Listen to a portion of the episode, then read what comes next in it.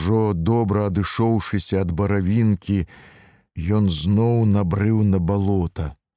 Здаецца, тут быў травяністы яго мысок, парослы алешнікам ды асіннікам.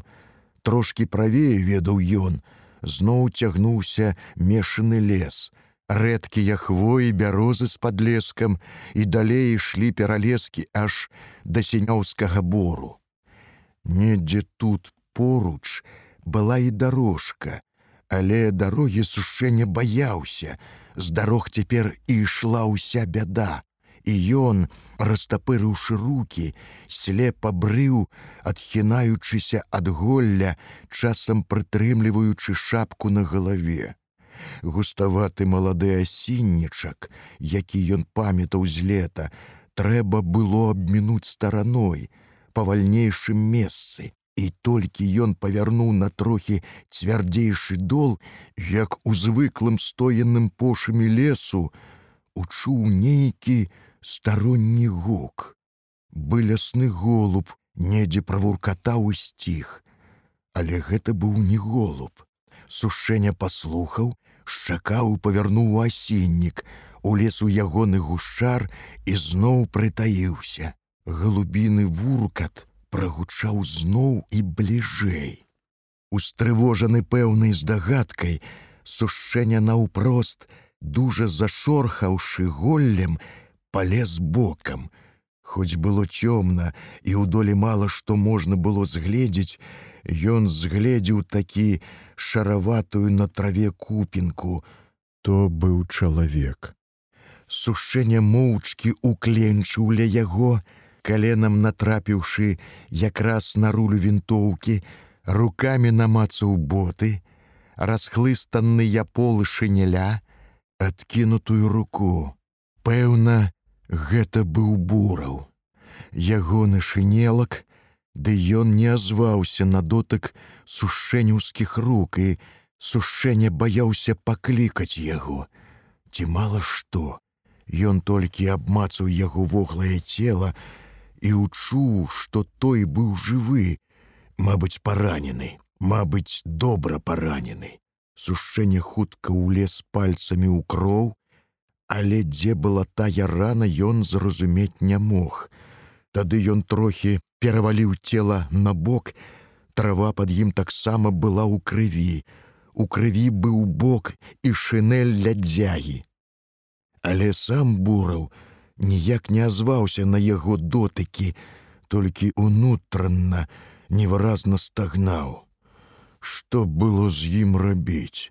Разважыўшы трохі сушэння, ціхенька патузаў яго за рукаў. Э, э, ты жывы? Куды цябе, а? Буру, аднак маўчаў, толькі здрыгануўся целам і вуркотна ціха стагнаў. Мусіць, папала яму, як мае быць, падумаў сушэння, так ён можа тут і сканаць. Але што ж яму можа зрабіць сушэння, чым памагчы, ці можа схаваць куды, Бо ўдзень, як развіднее, гэты бераг асеннічку ўжо будзе напэўна відаць з дарогі, Цяпер праз голы падлесак відаць здалёка. Сушэнне мужчына быў дужы, некалі на станцыі разгружаў вагоны з соллю і цяпер, напяўшыся, узваліў на сябе цяжкаватае такі цела бурава, узяў яго вінтоўку і, апёршыся на яе, бы на палку, узгробся на ногі. Немалой сілы спатрэбілася яму, каб з ношаю выбрацца праз гушчар на вальнейшае месца.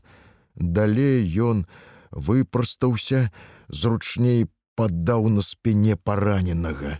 Пад хвоямі ісці стала спрытней, але ён зачапіўся за корань і ледзьве не паляцеў з потарча ў дол. Неяк усё ж атрымаўся, зноў паддаў бурава, і той горача і пакутна выдохнуў яму ў вуха: Войцік, ты?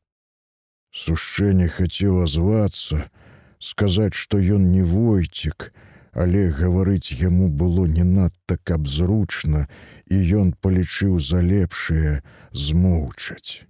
Хай думае, што гэта войцік, а там будзе відаць.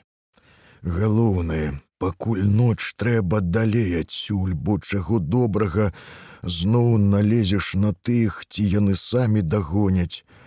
Уранні яны могуць усё тут аблажыць, пачнуць прачоску, як бы не загрэблі абодвух у свой паліцэйскі нерад. Аднак брысці так па лесе з цяжкім мужиком на плячах, нязручна ўгнуўшы галаву было не дужа кап лёгка. Сушэнне ўгрэўся, ажно спацеў, праз якія паўгадзіны пачалі падгінацца ногі, і ён, каб не ўпасці, апусціўся на калені, побач на сухі хвойны дол ашчадна паклаў бурава. Рана таго ўсё крывяніла, плечы сушэнні былі мокрыя ад яго крыві і сушэнне, сутаргава хапаючы ротам стылае паветра хвіліну сядзеў зняможана, паклаўшы на калені руки. Ён па-ранейшаму напружана ўслухоўваўся ў цягучы шум лясных абсягаў, нават азіраўся па змрочных баках, але адразу учуў, як побач заварушыўся паранены. Што? Што табе? У наступную хвіліну ён зразумеў, што буры ўлаяўся, мусіць ад болю, а пасля запытаўся здушаным шэптам: « Куды? Куды ты нясеш? А і сам не знаю узрадаваўшыся, што паранены загаварыў, сказаў сушэння, усё яшчэ цяжка аддыхваючыся.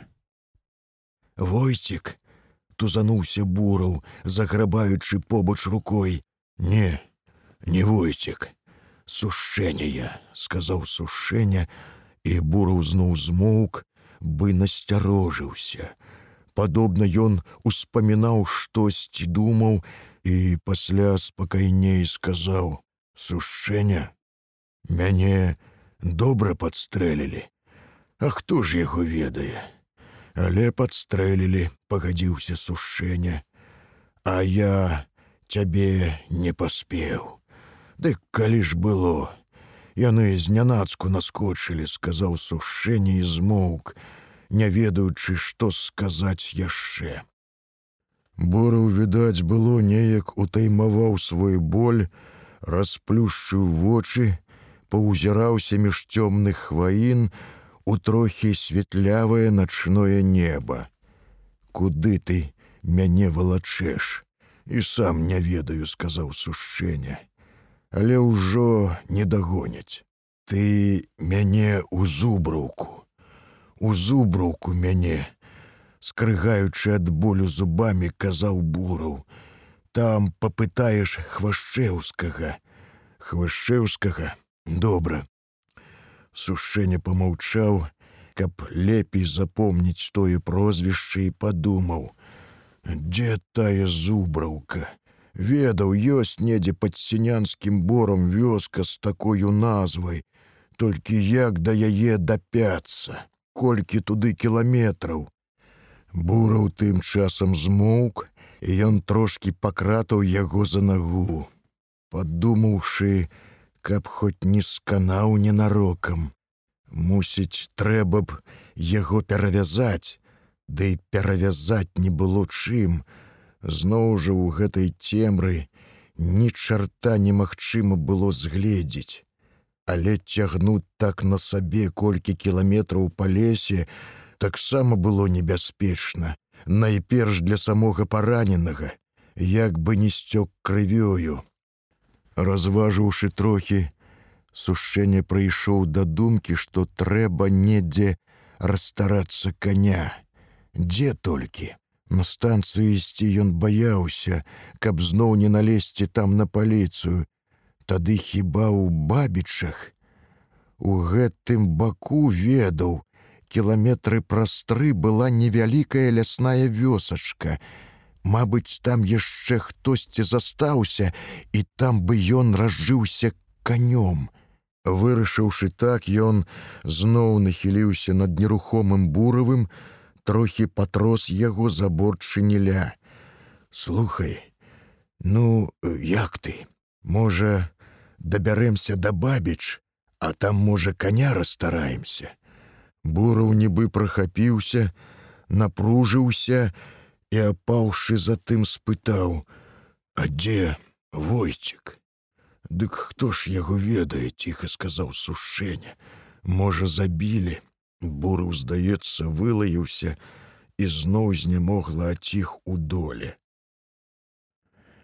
Шчакаўшы трохі, сушэнне ўстаў на калені, Бураўскі карабін надзеў рамянём на шыю, каб той не замінаў пры хадзе.